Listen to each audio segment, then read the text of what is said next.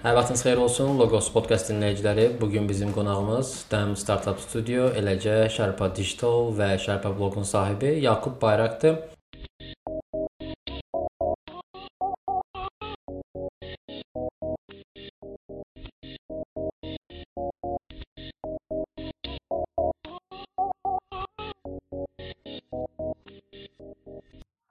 Merhabalar Yakup Bey, nasılsınız?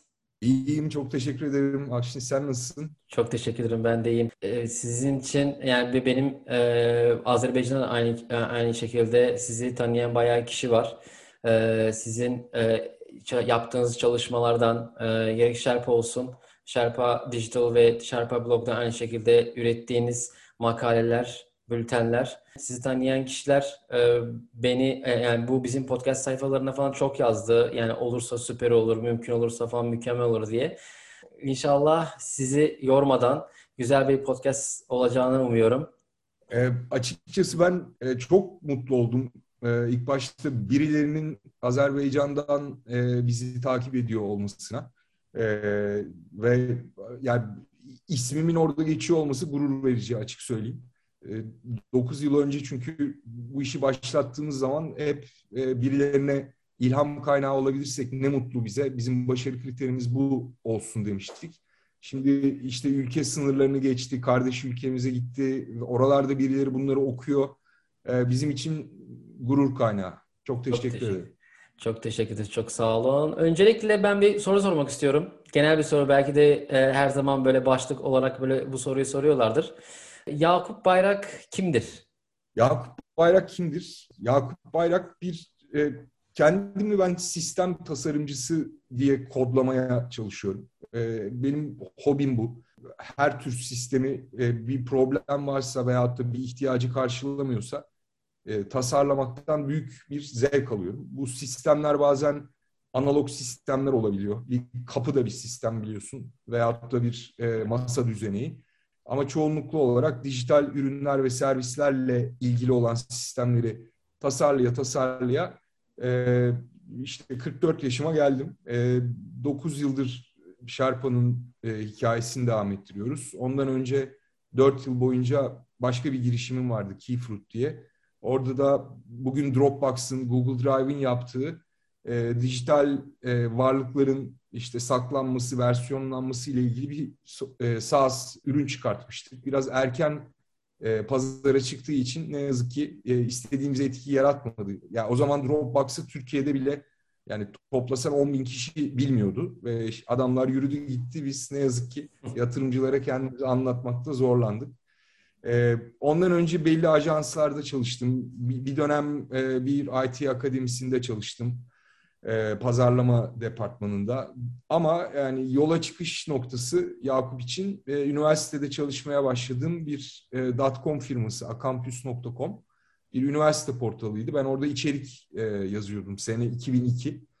E, sinema seanslarını falan derleyip yazıyordum ve hayatta ilk çalıştığım işti e, o kadar değişik bir atmosfer vardı ki ortamda. İşte patronlar patron gibi değil, abi gibiler. İşte bir yandan e, herkesin fikri alınıyor bir karar alınırken. Ya dedim iş hayatı böyle bir şeyse ben ömrü billah çalışırım. Sonra gördüm ki her şirket öyle değilmiş. Ama o zaman bir e, zehir aldım açıkçası. Yani bu yeni nesil bir e, organizasyonel kültür aslında. Ben nereye gitsem e, bunu aramaya başladığımı fark ettim. Hangi şirkete gidersem gideyim e, istediğim oranda da bulamayınca işte Keyfruit'u 2009 yılında kurdum. O günden beri de e, işte Sherpa, Sherpa Blog, Çizio gibi üç tane aktif girişim, bir tane e, hayalet girişimimiz var. Yakında paylaşacağız umarım. E, bir yandan da özel hayatta da e, işte iki çocuk babası, iki tane erkek e, evladım var. Sağ olun, çok sağ olun e, on, onlarla zaman geçirmekten acayip mutlu olan bir e, adamım. Öyle diyeyim. Hocam e, duyumuma göre e, müziğe küsmüştünüz uzun bir sene önce. Punk rock galiba grubunuz ya, varmış. Evet, evet. Ya lisede e, en yakın arkadaşım bir de benim abim bas çalıyordu. Ben davul çalmaya karar verdim. Arkadaşım da gitaristi. Biz hobiyle başlayıp ben ilk başta davulu tencerelerle çalıyordum. Annemin tencerelerinden Hmm. böyle setup yapıp ayağımın altına da kaset kapaklarını alıyordum. O da kick oluyordu. Böyle garip garip müziğimsi şeyler yaparken e, ben inatçı bir adamım bayağı. Yani bir şeyi yapana kadar duramıyorum. En son biz kendimizi albüm kaydında bulduk. Yani 3 yıl sonra kendi bestelerimizi çaldık vesaire. Ama o sırada Türkiye'de ekonomik kriz oldu. Bizim al- albüm kaydı yarıda kaldı. İşte plak şirket dedi ki çıkın vesaire. Ve işin sonunda e, müzik kariyeri belli bir süre barlarda e, işte coverlar çalıp Athena, Mor ve Ötesi Hmm. gibi bugün bayağı ünlü arkadaşlarla birlikte çalıyorduk. Biz onların ön grubuyduk. Hmm. Ee, bir yerden sonra e, hem grup içinde böyle işte ergen kavgaları hem e, finansal e, ihtiyaçlar, müzikten ekmek yemek çok zor. O zaman Spotify falan da yoktu tabii. Aynen. E, sebebiyle biz e, müzik kariyerini küsüp yarıda bıraktık diyebilirim. Sene kaçtı ki? Yani bu kriz olduğu zaman sene kaçtı? 2000. 2000 mi? Aa, bayağı varmış o zaman. Tabii, tabii. Çok çok. Ya o zaman Türkiye'de bayağı devalüasyonu tetikleyen devasa bir kriz olmuştu. Her şeyi durdurdular. Yani bugünkünden çok daha beter bir haldeydi. Ee, o zaman da bizim albüm kaydı iptal olunca işte 10-12 tane bestemiz de vardı. Hatta sonra onlar çıktı. Şu anda Spotify'da var. Ee, hala bizim e, grubu devam ettiriyor bizim e, solistimiz, gitarist. Tabii tabii. Tik Tak diye bir gruptu. Ee, onun ilk albümü de şu anda hala Spotify'da var. Dinleyebilirsiniz yani. Ha, süper o zaman. Mutlaka dinleyeceğim. Peki bu kullanıcı deneyime nasıl böyle başlangıcı yaptınız? Yani bu konu tam benlikmiş dediğiniz o an ne zaman oldu? Va- Böyle tam spesifik olarak e, gününü, ayını falan hatırlamıyorum ama bir dijital ajansta çalışırken e, bir bir projede proje sahibi yani müşteri tarafıyla bir toplantı yapıyorduk. Ben dedim ki e, yaptığımız işi sunuyoruz o sırada. Dedim ki bu konuda biz bu projeyi kullanacak insanların görüşünü alacağız mı? Ha. Onlar da dediler ki yo dedim yani o zaman ama onlara yapıyoruz biz bu işi. Size değil. Yani tamam size yapıyoruz da sahibi sizsiniz de onlar kullanacak. Yani onlara sormaya gerek yok. Biz onlardan daha iyi biliyoruz neye ihtiyaçları olduğunu gibi bir sohbet olmuştu. Ben böyle o gün e, dönüşte dedim ki ya burada bir yanlışlık var. Yani biz bir şeyi yanlış yapıyoruz. Bu arada o zaman ne UX, UX falan Türkiye'de hiçbir şey yok. Yani 2004'lerden falan bahsediyorum. Yani UX'in U'sunda bile değiliz o sırada. Ama tabii dünyada 1980'lerden beri işte Don Norman ilk defa kelimeyi söylediğinde işte Apple'ın içinde evanjelisti olduğunda bunlar konuşuluyor da biz Apple'ı bile bilmiyoruz o 80'lerde. E, 2000 işte 4 civarı bir tarihti. Ofise döndüm dedim ki e, ekibi çağırdım. Ya dedim ki biz bu tasarım yapma işinde e, farklı bir yola gitmemiz lazım. Okuma yapalım. E, neyi okuyacağız abi falan dediler. Dedim ki okuma yapalım. Yani bu kullanıcı bu işin neresinde olmalı? Başında mı, ortasında mı, sonunda mı? Onunla nasıl temasa geçmeliyiz? Ona projenin e, ara birimlerini götürdüğümüzde bu nihai hali mi olmalı? Yani Figma dosya, bugün Figma da o zaman işte Photoshop falandı. O haliyle mi gitmeliyiz? Yoksa ihtiyaçlarını önceden farklı bir yöntemle toplayıp ona böyle iterasyonlar mı göstermeliyiz? Herkes dedim e, farklı başlıklarda araştırmalar yapsın. Aslında kendim bile söyleyemiyordum ama bir tasarım metodolojisine ihtiyacımız olduğunu onlara anlatmaya çalışıyormuşum. Şimdi bunları anlayabiliyorum Hmm. 18 yıl. Ve e, biz o zaman ilk defa en somut kısmını söyleyeyim. E, burası ünlü bir dijital ajanstı. E, biz bütün dijital ajanslar müşterinin karşısına hep Photoshop'la çıkarken yani bir şeyleri anlıyorsun. Adam diyor ki şu olsun bu olsun. Sonra da Photoshop yapıp çıkıyorsun. Sonra da development'a veriyorsun. Bu kadar primitif bir akış var. Biz ilk defa wireframe çizerek grid'i wireframe'de belirleyerek, bilgiyi wireframe'in üstüne oturtarak çıkan ajans olarak bir nam saldık. Hmm. Bu adamlar garip garip şeyler yapıyorlar. Ee, biz tasarım istedik, bunlar bize böyle kutu kutu bir şeylerle geldiler diye. Bazıları anlamadığı için eleştiriyordu. Bazıları da ya bu bunlar değişik bir şey yapıyorlar diye bizi ayrı bir yere pozisyonlamaya başladılar. Hmm. Şimdi bunun iyi bir yanı var. Sen e, yeni bir yöntem geliştiriyorsun. Kötü yanı ne? Adam Photoshop beklerken sen siyah beyaz wireframe'lerle gidiyorsun. Orada mesela metinler yazıyor. Biz lorem ipsum'u kaldırmıştık. Dedik ki biz lorem ipsum'la wireframe götürmeyeceğiz. Çünkü işimizi kolaylaştırsa da o sahnede, ekranda neyin bilgisini göstereceğimizi karar vermeden bunun işte komponentlerini, kutu mimarisini, grid mimarisini belirlersek kendimizi kandırırız. Çünkü içerik oraya geldi mi laps diye darmadağın olacak. Hmm. Ee, ve bu yaklaşım bizim çok komplike projelerde tercih edilen bir firma olmamızı sağladı. Çünkü o komplike projelerde hep akıllı adamlar var işin başında. Ee, onlar diyor ki bu adamlar başka. Yani bu başka türlü e, bir, bir problem çözme teknikleri var. E, bunlarla çalışalım demeye başladılar ve biz o firmada, o ajansta e, bir anda diğer işte medyacılardan, sosyal medya veya işte video içerikle para kazananlardan ayrıştık. Başka bir yere doğru saptık.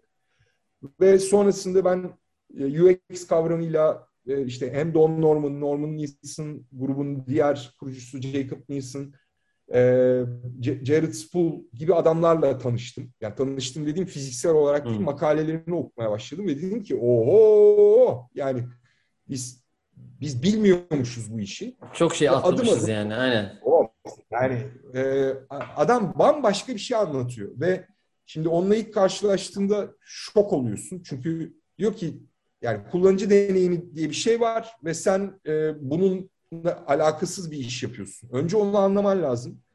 Sonra onu ekibe anlatman lazım. Ekibin iş yapış şeklini değiştirmen lazım. Ve bunu da senden hizmet isteyen adamlara kabul ettirebilmen hmm. lazım. Çünkü iş büyüyor. Yani sen normalde 3 haftada, 4 haftada bir projeyi teslim ederken araştırma yaptığında, e, validasyon yaptığında, e, birlikte düşünme adımlarını arttırmaya başladığında e ne oluyor? Süre büyüyor. Süre büyüyünce senin faturan büyüyor. Adam diyor ki ya arkadaş biz bu işi eskiden 3 liraya yaptırıyorduk. 3 ayda bitiriyorduk yazılım dahil. Sen şimdi hem 10 lira istiyorsun hem 6 ay diyorsun. Bana bunun neden kabul edilebilir bir şey olduğunu anlat demeye başladılar. Yani ben sana niye bu kadar para vereyim ve böyle iş yaptırayım?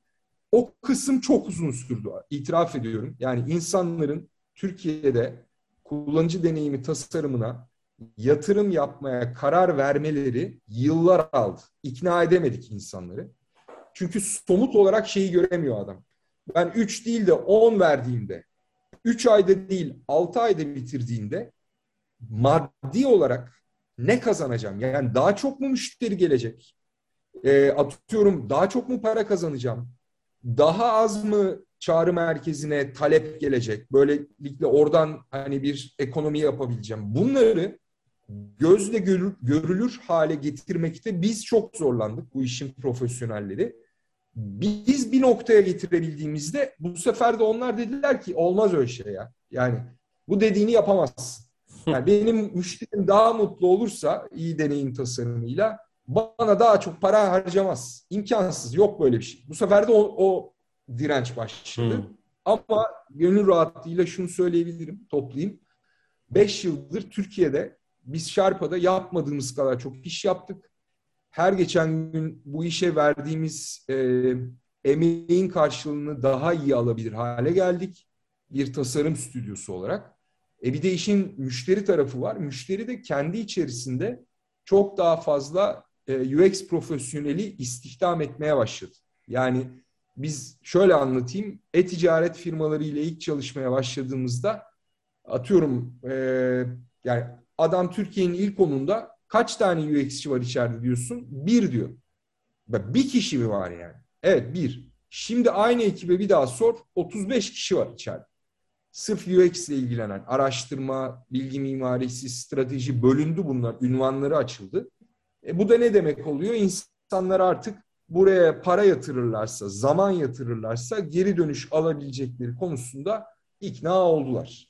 2013 senesinden beri Şerpa var değil mi? 2013 senesiydi değil mi? Doğru. Ha, 2013 Doğru. senesinden bu yana kadar mesela birçok projeler falan yaptınız. Gerek e, iç projeler olsun veya yurt dışı veya Türkiye içi projeleri falan olsun. Hiç bu projelerde hiç böyle bir şey denk geldiniz mi? Veya e, bir tane e, sonunu bitirmeden önce bir tane örnek vereyim. Geçenlerde bana Rusya'dan bir tane bizim ekibe bir tane proje gelmişti.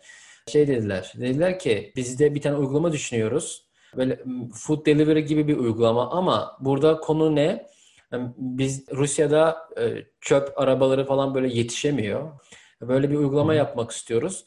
Biz kapının önüne çöpü koyuyoruz. Herhangi bir kişi mesela atıyor, açıyor uygulamaya, map'i açıyor. Görüyor ki mesela yakınlarında adreslerde falan e, çöpü atmak isteyen, yani attırmak isteyen böyle bir request atmış. Demiş ki yani gelsin atsın biz çöpü. Geliyor çöpü, aç, e, çöpü aldığının fotoğrafını çekiyor. Sonra çöpü atıyor, fotoğrafını çekiyor. Yani bu tip bir uygulama. Yani şimdi benim sorum Hı. ne? Ee, sizce mesela kendi yaptığınız projelerden de veya bu tip bir e, kullanıcı deneyimi düşünerek yapılan projelerde sizce kullanıcıları veya insanlar, kullanıcı deneyim tasarım insanları tembelleştirdiğini düşünüyor musunuz?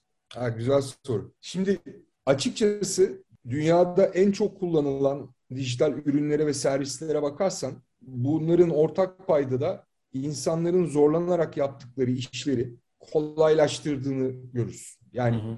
biz e, Uber'i niye e, kullanıyoruz bütün dünyada? Türkiye'de de yasaklanmıştı, şimdi tekrar açıldı. Çünkü Uber e, benim kaliteli bir yolculuk deneyimi yaşamamı kolaylaştırıyor. Basıyorum istediğim yere geliyor. Kuruyorum istediğim saatte geliyor. Arabayı seçebiliyorum. Ya bunları başka türlü yapamaz mıyım? Yaparım ama daha zor yaparım. Food yani yemek e, sipariş siteleri. Biz artık onların bize gösterdiği, algoritmalarla gösterdiği şekilde yemek yemeye başladık. Sırf yemek ayağımıza gelsin diye. Evet. Keza işte bankalar internet bankacılığını zorluyorlar. Bankaya gidip sıra bekleyeceğime buradan yaparım çat çut diyorsun.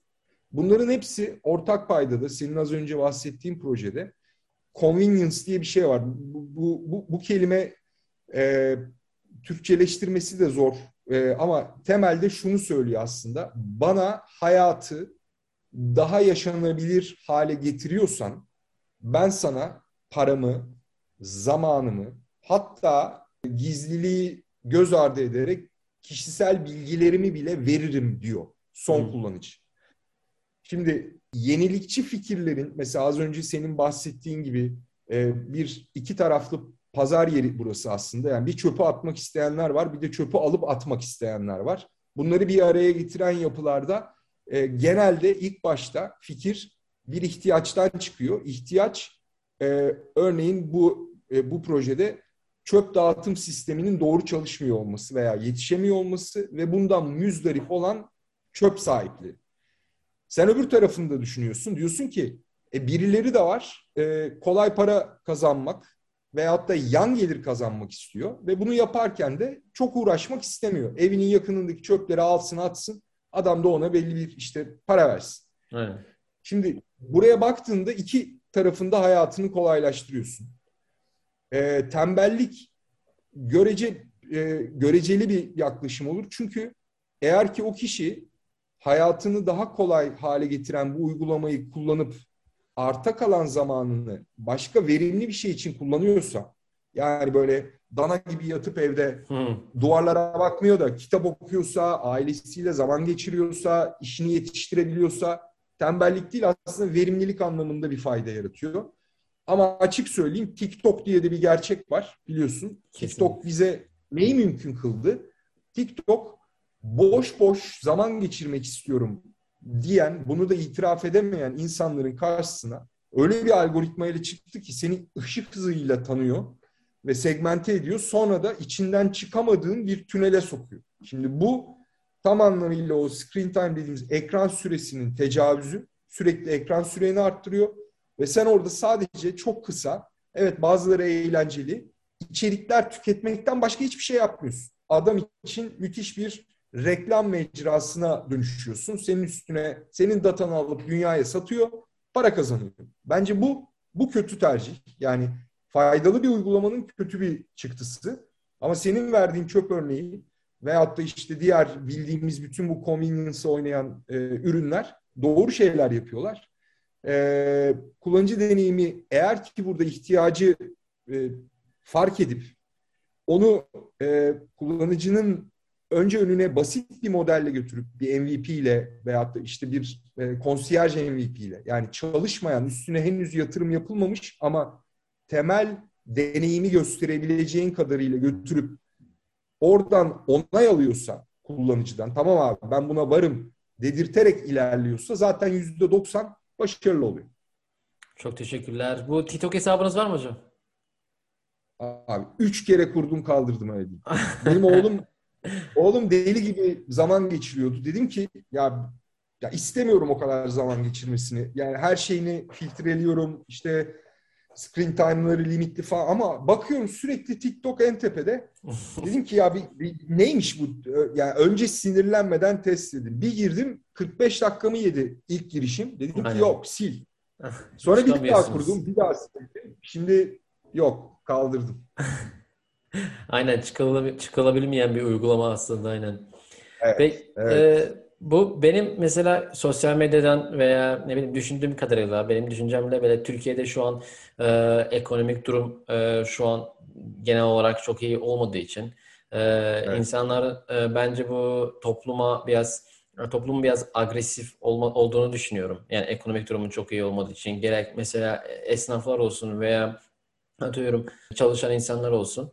Ee, bu agresif kullanıcıları mutlu etmek için herhangi bir kullanıcı deneyimi sağlamak mümkün mü sizce? Yani bunu siz projelerde falan uygulayabiliyor musunuz? Mesela agresif kullanıcıları nasıl mutlu edebiliriz diye.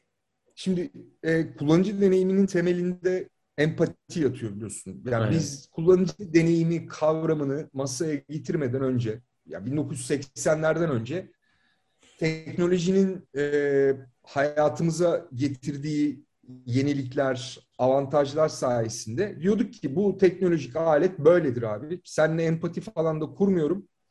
Mal bu, bunu böyle kullanacaksın diyorduk o zamanlar. İşte devasa bilgisayarları veya felaket çamaşır makinelerini. Yani çamaşır makinelerinin yüzde doksan programını kimse kullanmıyordu o zaman. Hmm. Çünkü bilmiyor adam. Yani tuşları organize edemiyor yani. O kadar kötü ki paneli. Ee, şimdi dijitalleşti vesaire falan filan. Ama işte 1980'lerden sonra özellikle işte bu işin e, amiral gemileri, Apple'lar vesaireler dediler ki tamam teknoloji önemli ama teknoloji o kadar hızlı ilerliyor ki bizim teknoloji ekseninde onu destekleyecek bir ayrıştırıcı önermemiz de olmalı. Yani bizde de teknoloji var ama aynı zamanda boşluk bir şey de var. Şimdi o boşluğu bu adamlar dediler ki teknoloji yavaş yavaş bütün topluma yayılıyor. Bu yayıldığı toplumun içinde bunu anlayabilen grup küçücük. Geri kalan grup felaket bakıyor yani. Aman tanrım ben bunu nasıl kullanacağım diyor. Biz buraya ateş edelim. E bunlarla ateş ettikleri anda gördükleri şey şu. Diyor ki adam ben bunu kullanamam. Bir, çok karışık. Ne işime yarayacak anlamıyorum. Bir de ben daha önce elektronik hiçbir şey kullanmadığım için korkuyorum. Şimdi bu işte birinci adım empati aslında karşı tarafı gidip tanımakla başlıyor. Yani benim ürünümü alma ihtimali olan, yazılımımı kullanma ihtimali olan hedef grup kimdir? Ben bunlara mı konuşmalıyım? Başka bir gruba mı konuşmalıyım? Bu adamları anlamaya başladığın anda empati kurarak, onlar gibi düşünerek kullanıcı deneyimi araştırması 101'e başlamış oluruz. Senin verdiğin örneğe ışınlanayım şimdi. Türkiye'de aslında bütün dünyada Ukrayna birbirine girmiş durumda. İşte Çin zaten karışık ama kimse haberi yok. İşte Amerika'nın içi felaket. Avrupa darmadan. Bizim İngiltere'deki ofisten hep haberler alıyoruz. Yani hiçbir yer şu anda bir Kuzey Avrupa'daki işte Nordik dünyalar dışında huzurlu değil.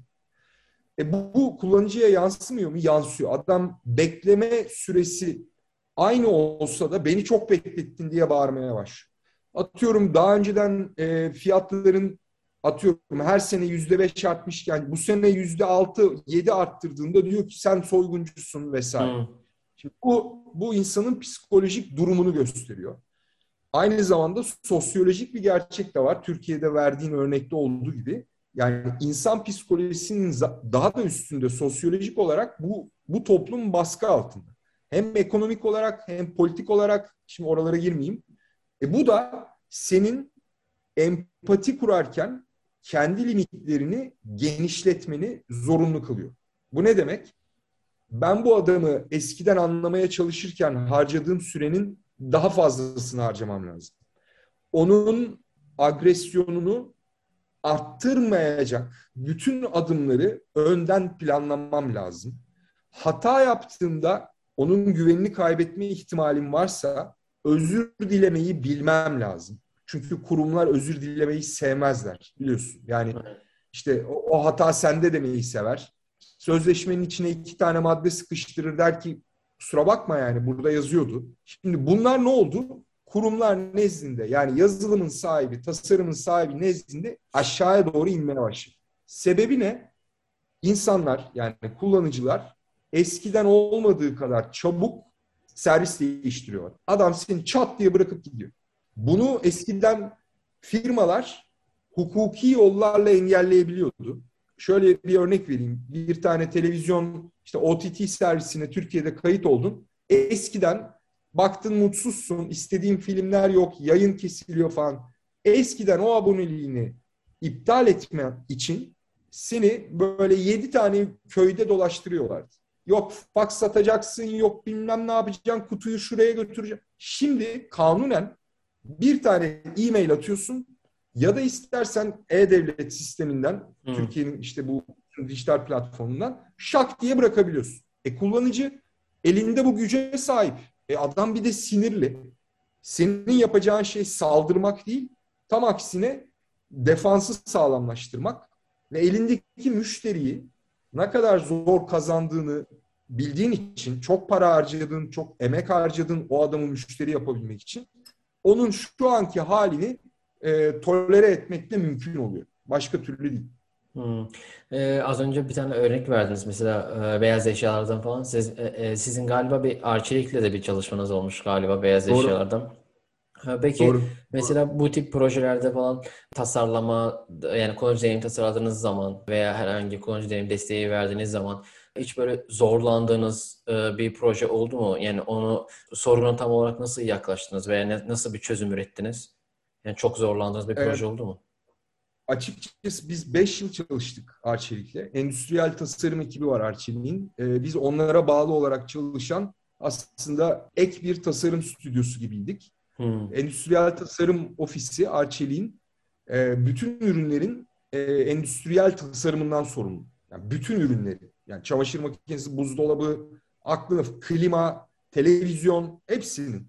Şimdi endüstriyel tasarım e, kullanıcı deneyimi tasarımını kapsar mı kapsamaz mı diye çok tartışmalar var. Ben açıkçası kapsayacak kadar büyük olduğunu düşünenlerden. Hı hı. Şimdi biz onun bir parçası olduk. Ürün fiziksel bir ürün olduğundan ve üstündeki kullanıcı kontrolleri her daim dijital olamadığından, analog tuşlar da olabildiğinden bizim hayatımızda ilk defa ya bir dakika burada dijital hiçbir şey yok biz neyi tasarlayacağız diye bir vaka çıkıverdi. Yani şöyle düşün bir tane bu bulaşık makinesi var, paneli var. Panelde dijital hiçbir şey yok ve sen onu tasarlaman gerekiyor. O zaman çok şey öğrendik. Hmm. Endüstriyel tasarımcı e, oradaki arkadaşlardan da çok şey öğrendik.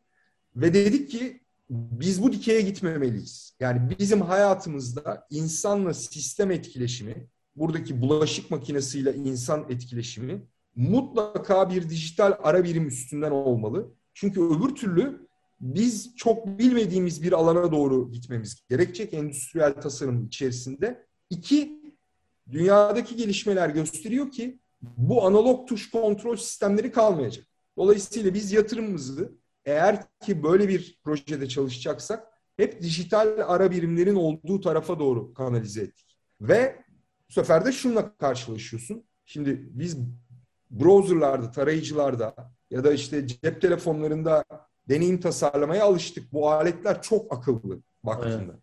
Ama senin e, bir fırın deneyimi tasarlarken Şimdi fırının içerisinde onlarca sistem bileşeni var. Isıtmalar vesaireler, yıkamalar yani bin tane elektronik devre var. Ve inan bana o küçücük e, dijital panelin girdiği yer fırının içerisinde mesela arkası 400 derece sıcak olabilecek bir panele de yaslanabiliyor. Veyahut da başka güvenlikle ilgili birçok kontrolü barındıran devrelerin yanında da olabiliyor. Ne demek bu? Sana şu kadarcık alan bırakıyor. E sen bunun içerisinde o zaman kapasitesi düşük bir elektronik devrenin mümkün olabileceği kadar deneyim tasarlaman gerekiyor. Bu da ne demek? Deneyimde öyle abi OLED ekran olsun ne güzel böyle işte binlerce renk animasyon yok. Diyor ki seven segment kullanacaksın. Yani yedi segmentli her şey bununla tasarlanacak. O zaman ne oluyor? Senin bütün yeteneklerin şey gibi düşün. Sen futbolcusun. Hep büyük sahada oynamaya alışmışsın. Seni bir anda 3'e 3 e, küçücük bir halı sahaya çağırıyorlar. Şaşırırsın yani. Ne yapacağını bilemezsin. Sağ bitti bir anda. E, geri kalan 8 kişi nerede? Nasıl oynayacağız?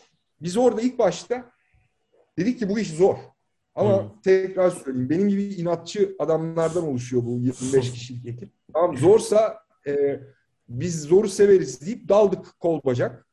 E, ilk defa Türkiye'de bir e, akıllı televizyonun, bir smart TV'nin işletim sisteminin üstündeki deneyimi tasarlayan ekip olduk. Birkaç kişi öldü bunu yapana kadar. Çünkü o televizyon akıllı değil abi. Yani akıllı diyor da değil.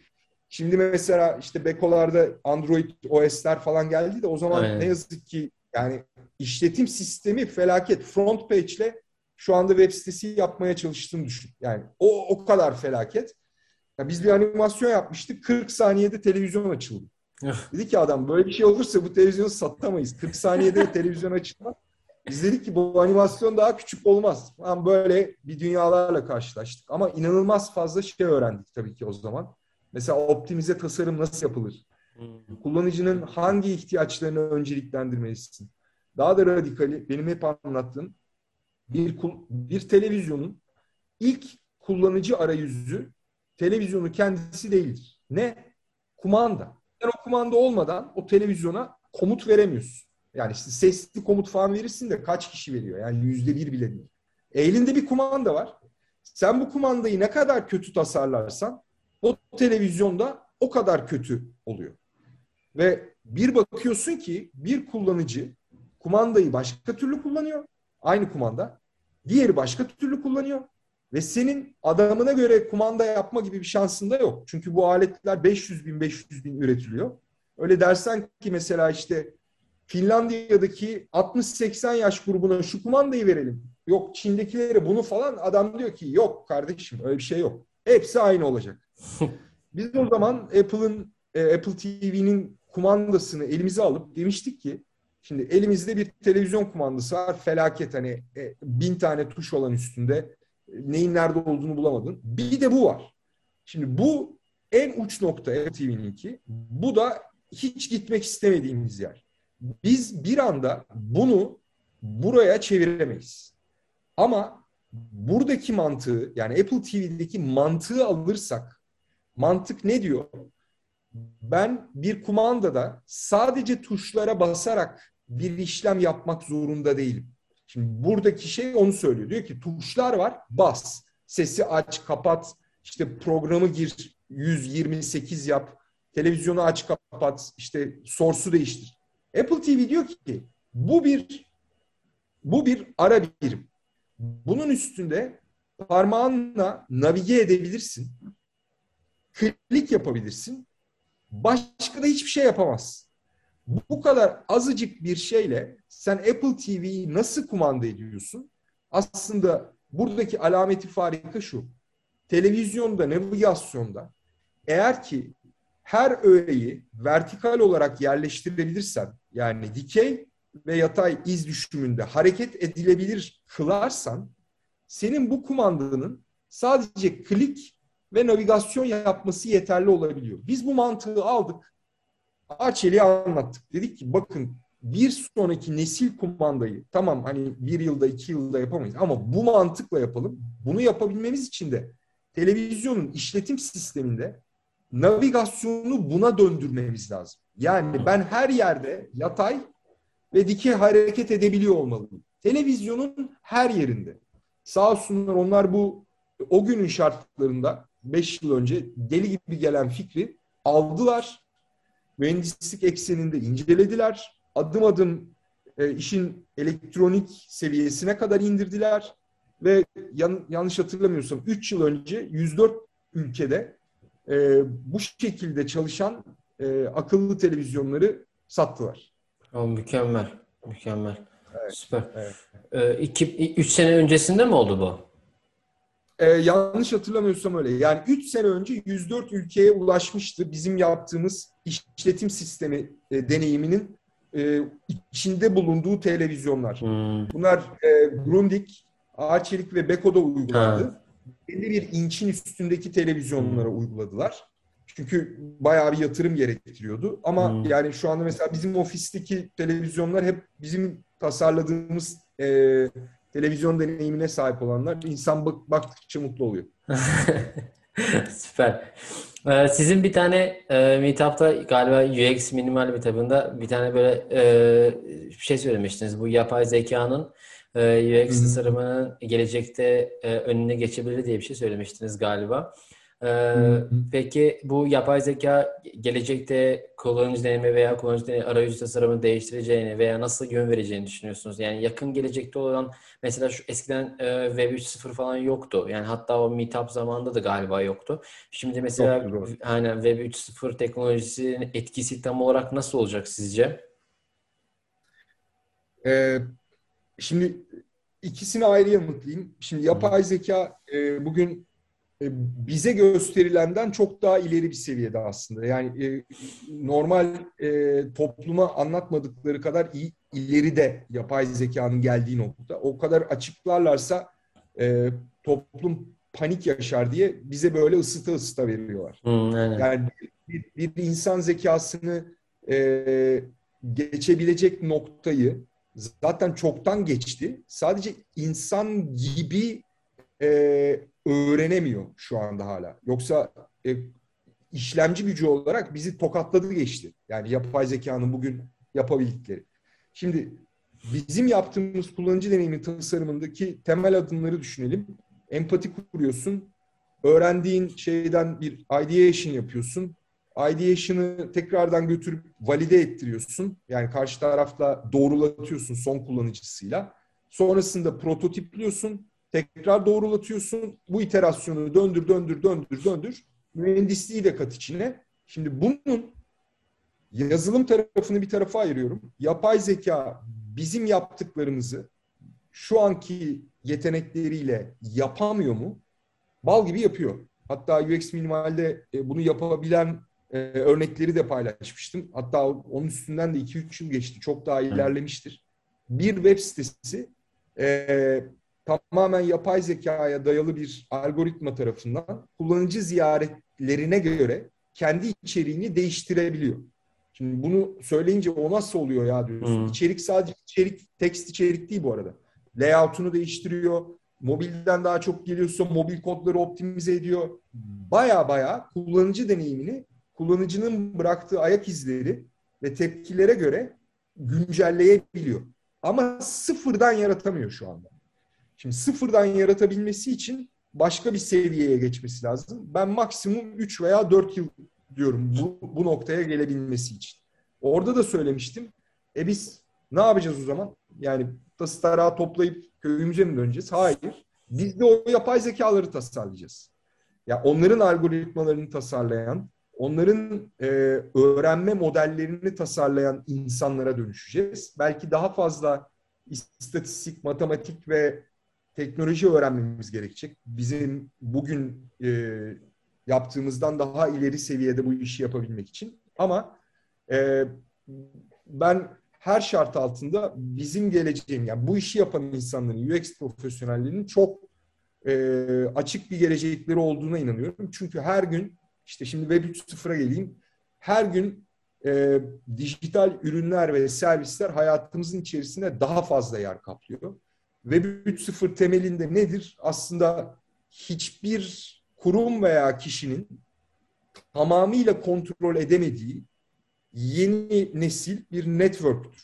Yani en teknik anlamda konuşuyorum. Bu network o kadar e, dağıtıktır ve o kadar e, tek kişinin kontrolünden uzak kalacak şekilde tasarlanmıştır ki bir konsensus olmadan o network'ün içerisinde. Network karar almaz ve hiçbir şekilde başka birisinin hükmü altına girmez. Şimdi böyle anlatınca yani ne oluyor diyorlar. Ben hep şöyle söylüyorum. Ee, Web 2.0'da veri tabanı mutlaka birinin tam kontrolü altındaydı. Ama bugün blockchain bir kişinin blockchain demeyelim e, Bitcoin ve blockchain dünyası bir kişinin kontrolü altında değil. Değil mi? Evet. evet. Arasındaki temel fark bu. Biz zamanında hatırlarsan Napster diye bir şey vardı. Ta yıllar önce müzik endüstrisini korsan diye işte etiketlemişlerdi vesaire. Napster ne yapıyordu aslında? Diyordu ki herkes kendi bilgisayarından, kendi bilgisayarındaki müzikleri başkalarına paylaşırsa biz müzik endüstrisine kafa tutarız. Ben bunu sadece aracılığını yaparım. Hmm. Aslında Web 3.0'ın temelleri, o zaman kimse bunu bilmese de bu tip kurgularla atılmaya başlanmıştı. Ama en büyük değişiklik işte Bitcoin, blockchain mantığı, kripto paralar, kripto borsalar, e, kripto cüzdanlarla hayatımıza geldi ve bunun üstüne Web 3.0 diye bir isim koyduk ve bu insanları aşırı korkutuyor. Korkut, korkan insanların çoğu da genelde kontrolü elinde tutmayı seven grup yani büyük abiler. Hmm. Ee, Yakup Bey çok teşekkür ederim. Valla sizi çok yordum ya. Valla sorularla. Ee, çok e, çok teşekkür ederim bizimle paylaştıklarınız için, tecrübeniz için, bizimle e, verdiğiniz cevaplar için aynı şekilde. Son olarak bizimle paylaşmak istediğiniz veya söylemek istediğiniz bir şey var mı acaba? Valla şöyle, e, ben e, kardeş ülke olarak gördüm hep Azerbaycan'ı. E, ve bugün başta söylediklerinden ötürü de anormal mutlu oldum. Yani bizim e, oralara kadar elimiz kolumuz uzandıysa ne mutlu bize. Sizin eliniz de buralara uzansın. Siz de yaptıklarınızı burada bizim takip edebileceğimiz bağlantıları ne olur bize verin. Çünkü bu iş e, paylaşarak büyüyor.